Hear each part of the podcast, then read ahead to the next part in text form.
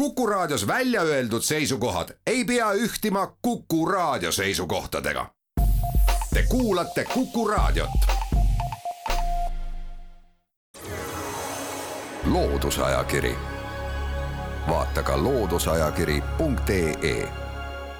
loodusajakiri alustab. kuku raadio stuudios on ajakirja Eesti Loodus toimetaja Juhan Jaavus, tere Juhan! tervist! ja saatejuht Tiiu Rööp me hakkame rääkima teile sellest, millest saab lugeda ajakirja Eesti Loodus novembri numbrist, mille põhiteemaks on muld ja selles kihav elu. rubriigis Kuu loodusest tutvustab ämblikuteadlane Mart Meriste hilissügisesi kohtumisi ämblikuga ja see lugu on kirjutatud suure sümpaatiaga ämblike vastu. järgmine lugu läheb juba numbri põhiteema juurde, geoloog Aivo Averin kirjutab mullast ja seda geoloogi mõtiskeluna see lugu on väga värvikalt kirja pandud. Jah, Aivo Averin on äh, oma elukutselt ja hariduselt geoloog, aga, aga sellest loost rääkides ei saa üle ega ümber sellisest raamatust nagu Muld, äh, tsivilisatsioonide häving, mille siis Aivo oma initsiatiivil kunagi välja andis ja mis äh, on võib-olla tolles ajas küllaltki alternatiivne nägemus maailma ajaloost, et suured tsivilisatsioonid on tõusnud, õilmitsenud, aga nende kõigi kokkukukkumise taga kipub olema seesama põhjus, et nad on oma, oma mulla, oma maapinna välja kurnanud. see õilmitsemine on läinud liiga suureks, piltlikult öeldes, ja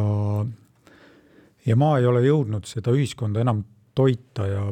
ja see raamat siis äh, kappab läbi erinevate tsivilisatsioonide ja see muster kipub olema küllaltki sarnane, et äh, kui viimasel ajal meil räägitakse hästi palju sellest, et äh, nafta tipp on käes ja fossiilkütused hakkavad otsa saama, siis tasub kindlasti vaadata seda raamatut ja selle sarnaseid allikaid selle pilguga, et tegelikult võib-olla isegi veel palju, palju hullem probleem on see, et et me oleme nagu taastumatu loodusvarana kasutanud ka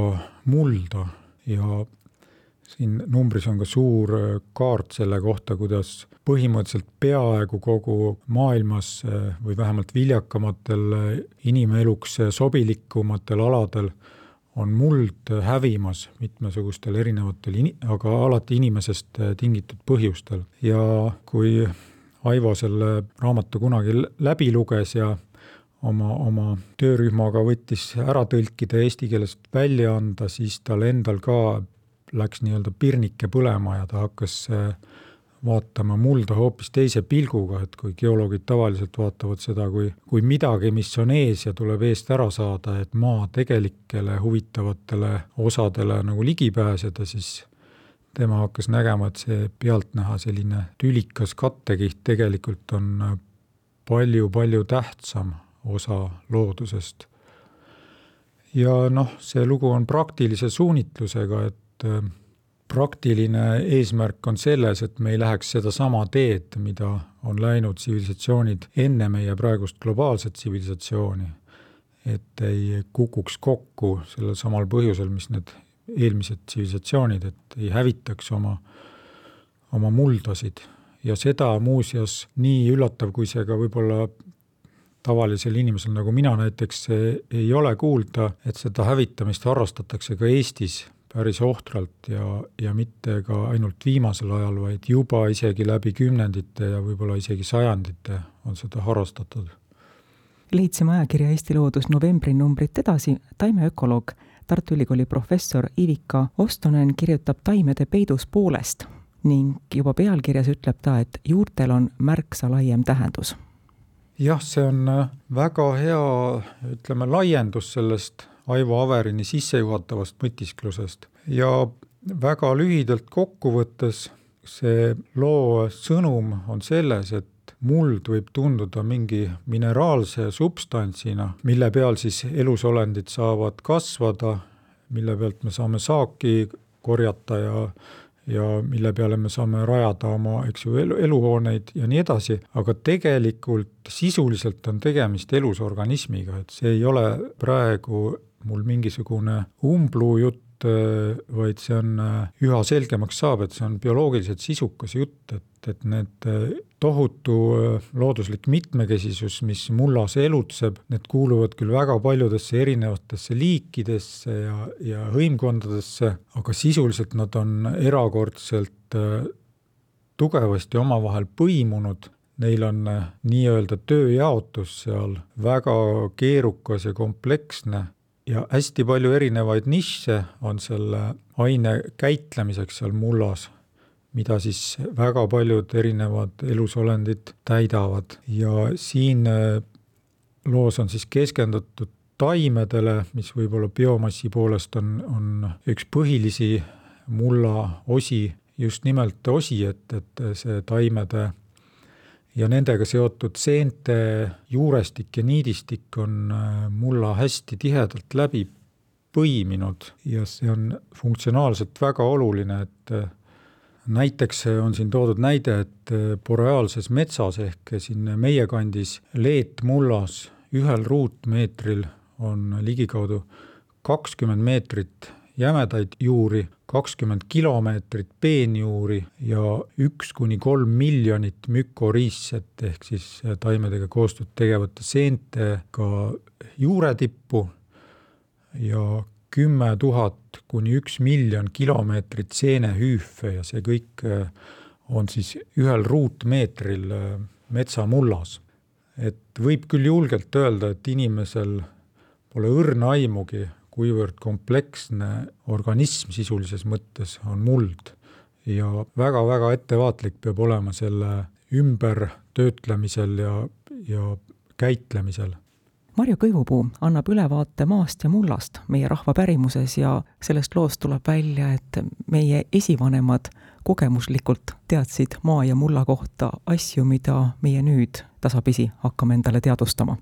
ja jällegi see lugu sobib omakorda komplekti selle Ivika Ostoneni looga Juurestikust. Ja siin on siis äh, natukene vihjatud, kuidas äh, esivanemad on praktiliselt suhtunud mulda. Ja mulle jättis väga sügava mulje siin tsiteeritud äh, luuletus vanaaegsete maaharimisvõtete kohta, millest väga palju ei teatagi, et siin on, ma kohe loeksin ette selle luuletuse et äh, vau aasin, vaksa jätsin, et oli ruumi rohul kasva, ohakail üles ajada, sinilillil sigineda, karikakrail kasvaneda, köömnitel küpseks saada. et põhimõte on siin luuletuses siis selles, et alati vähemalt selle luuletuse järgi arvates jäeti põllule mingisugune osa, kus see looduslik elurikkus sai omas rütmis toimetada ja isegi äh, minu jaoks on mõistatus see, kuidas tol ajal suudeti taibata seda, et äh, see on äh, mulla jätkusuutlikkuse seisukohalt väga oluline. tahtmatult või, või tahtes liigub mõte sinnapoole, et kas me ikka ei kipu oma esivanemaid väga palju äh, lihtsustama ja seda teavet, äh, mis, mis meil nende eluviisist äh, tänapäevaks on olemas, seda siis üldistama, et see oligi kogu teadmine, et tegelikult võib olla see ainult jäämäe tipp ja inimesed, kelle igapäevane elu ka läbi karmi talve sõltus oma kodu ümbruse mullast väga otseselt, võisid olla selle koha pealt tohutult palju elutargemad, kui me praegu oma, oma mugavates eh, soojades linna kontoriruumides oskame üldse eales aimata. vaatame edasi, millest saab lugeda ajakirja Eesti Loodus novembri numbrist. zooloog Uudo Timm annab ülevaate nendest imetajatest, kes uuristavad mulla sisse käike. kõige enam saab tähelepanu mutt, aga jutt on ka teistest loomadest mäkradest, rebastest, kährikutest, ka hundist ja šaakalist ja muidugi mügridest, ja uruhiirtest. rubriigis Tegutse teadlikult küsib Martin Tikk, kes elavad meie jalge all ja väga lühidalt tema artiklit kokku võttes võib öelda kolmteist liiki vihmausse. kolmteist liiki vihmausse Eestis jah, soojematel aladel on see mitmekesisus palju suurem ja kui ennem rääkisime siin sellisest silmaga nähtamatust elurikkusest suuresti, siis äh, vihmaussi tähtsust ei saa kindlasti alahinnata, et et äh, vihmauss on mulla tervise näitaja ja üks põhilisi sõna otseses mõttes suuri tegijaid mullas. Ja Martini loos on antud väga lihtsaid mooduseid, kuidas mulla kvaliteeti hinnata, et see mulla kvaliteet seisneb siis elurikkuses, kui kiiresti ja tõhusalt sealsed elanikud toimetavad ja seda saab siis mõõta näiteks kas teekottide või mingite muude kindla olemusega asjade kõdunemise kiiruse järgi või ka selle järgi, et vaadata just nimelt sedasama, et kui palju on äh, mullas vihmausse ja kõige lihtsam moodus selleks on lugeda ära vihmausside väljaheite hunnikud, mis on mullal hästi äratuntavad ja hea mulla tunnus on siis see, et veerandil ehk neljandikul ruutmeetril võiks olla näha vähemalt kahtekümmet vihmausside väljaheite kuhilat kui neid äh, nüüd on vähem, siis on põhjust mulla tervise pärast äh, muret tunda. ajakirja Eesti Loodus peatoimetaja Toomas Kukk rääkis Tartu Ülikooli koosluse ökoloogia professori Mari Mooraga. sellest vestlusest sündis novembrikuu numbri intervjuu ja väga lühidalt kokku võttes käib jutt ümber taimede ja ümber mükoriisa. mükoriisa on jälle midagi sellist, mida silmaga pealtnäha ei näe ja mille tähtsust ei osata hinnata, aga tegemist on siis taime juurte küljes olevate seentega, kes teevad taimedega tihedat koostööd. Ja siis väga lühidalt öeldes taimed annavad seentele orgaanilist ainet, suhkruid ja seened omakorda aitavad taimedel hankida toitaineid, näiteks lämmastikku ja fosforit ja ka vett mõnedes keskkondades ja see mükoriisa on erakordselt oluline osa kooslusest, et isegi kui ma nüüd õigesti mäletan, siis umbes üheksakümmend protsenti taimi elab koos mükoriisaga ja mille pärast see on oluline, üks asi on see, et mulda mürgitades, näiteks fungitsiididega, mis põllumajanduses on laialt kasutusel, hävitatakse ka see mükoriisa ja kui nüüd see kui nüüd see saagitaim jääb kängu natukene, siis äh, lihtne loogika ütleb, et tuleb talle väetist juurde panna, et selles on see probleem. Ja antakse aga mürki peale ja antakse ka väetist peale ja tulemuseks on see, et see äh, muld jääb sõna otseses mõttes väga haigeks, ta enam ei suuda toimida saaki toetavalt iseenesest ja tekib noh, võib võrrelda lausa narkosõltuvusega, tekib äh, taimedelt sõltuvus sellest äh, pealeantavast äh, väetisest ja heakene küll, et äh, võib-olla selline olukord oleks isegi talutav, aga nagu me teame, siis need väetised põhjustavad väga ohtralt keskkonnaprobleeme, et see ei ole jätkusuutlik majandamisviis. ja ühel hetkel peame me tulema tagasi selle loodusliku taimede toimimise juurde, aga siis võib olla see häda, et see seente mikrofloora seal mullas on äh, fungitsiididega nii palju ära tapetud, et see tagasiüleminek võib olla väga keerukas.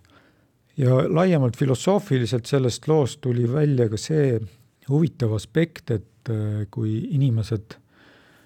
üldiselt äh, on harjunud nägema looduses suurt konkurentsi, et kõik liigid üritaksid nagu üksteisele nii-öelda ära teha ja välja tõrjuda, siis tegelikult selle mükoriisa vahendusel äh, võib jällegi rääkida nagu ühest suurest superorganismist, kus äh, tugevamad taimed annavad äh, oma süsinikku mükoriisasse ja mükoriisa omakorda toidab nõrgemaid taimi. et mükoriisa kaudu kõik need taimed, kes pealtnäha konkureerivad seal mulla peal, tegelikult on omavahel seotud ja üksteisest äh, positiivses mõttes ka sõltuvad. et äh, selles vestluses on äh, just sellesama mulla elurikkuse, selle erakordselt suure tähtsuse koha pealt ka palju mõtlemisainet. aitäh, Juhan Jaavois, ülevaate eest. nimetan lisaks veel mõned artiklid, millest me rääkida ei jõudnud. rubriigis Abiks õpetajale kirjutavad Karl Jürgenstein ja Sulev Kuuse polümeraasi ahelreaktsioonist, teadlase, arsti ja kriminalisti kindlast abimehest. botaanik, emeriitprofessor Jaanus Paal on kirja pannud reisikirja Borneo soometsadest ja turbaladest ning Mait Sepp õpetab, kuidas ilmaandmete põhjal uurida killasjää ohtu. saatejuht Tiia Rööp soovib kõigile ilusat reede õhtut, jälle kuulmiseni! Loodusajakiri. vaata ka looduseajakiri.ee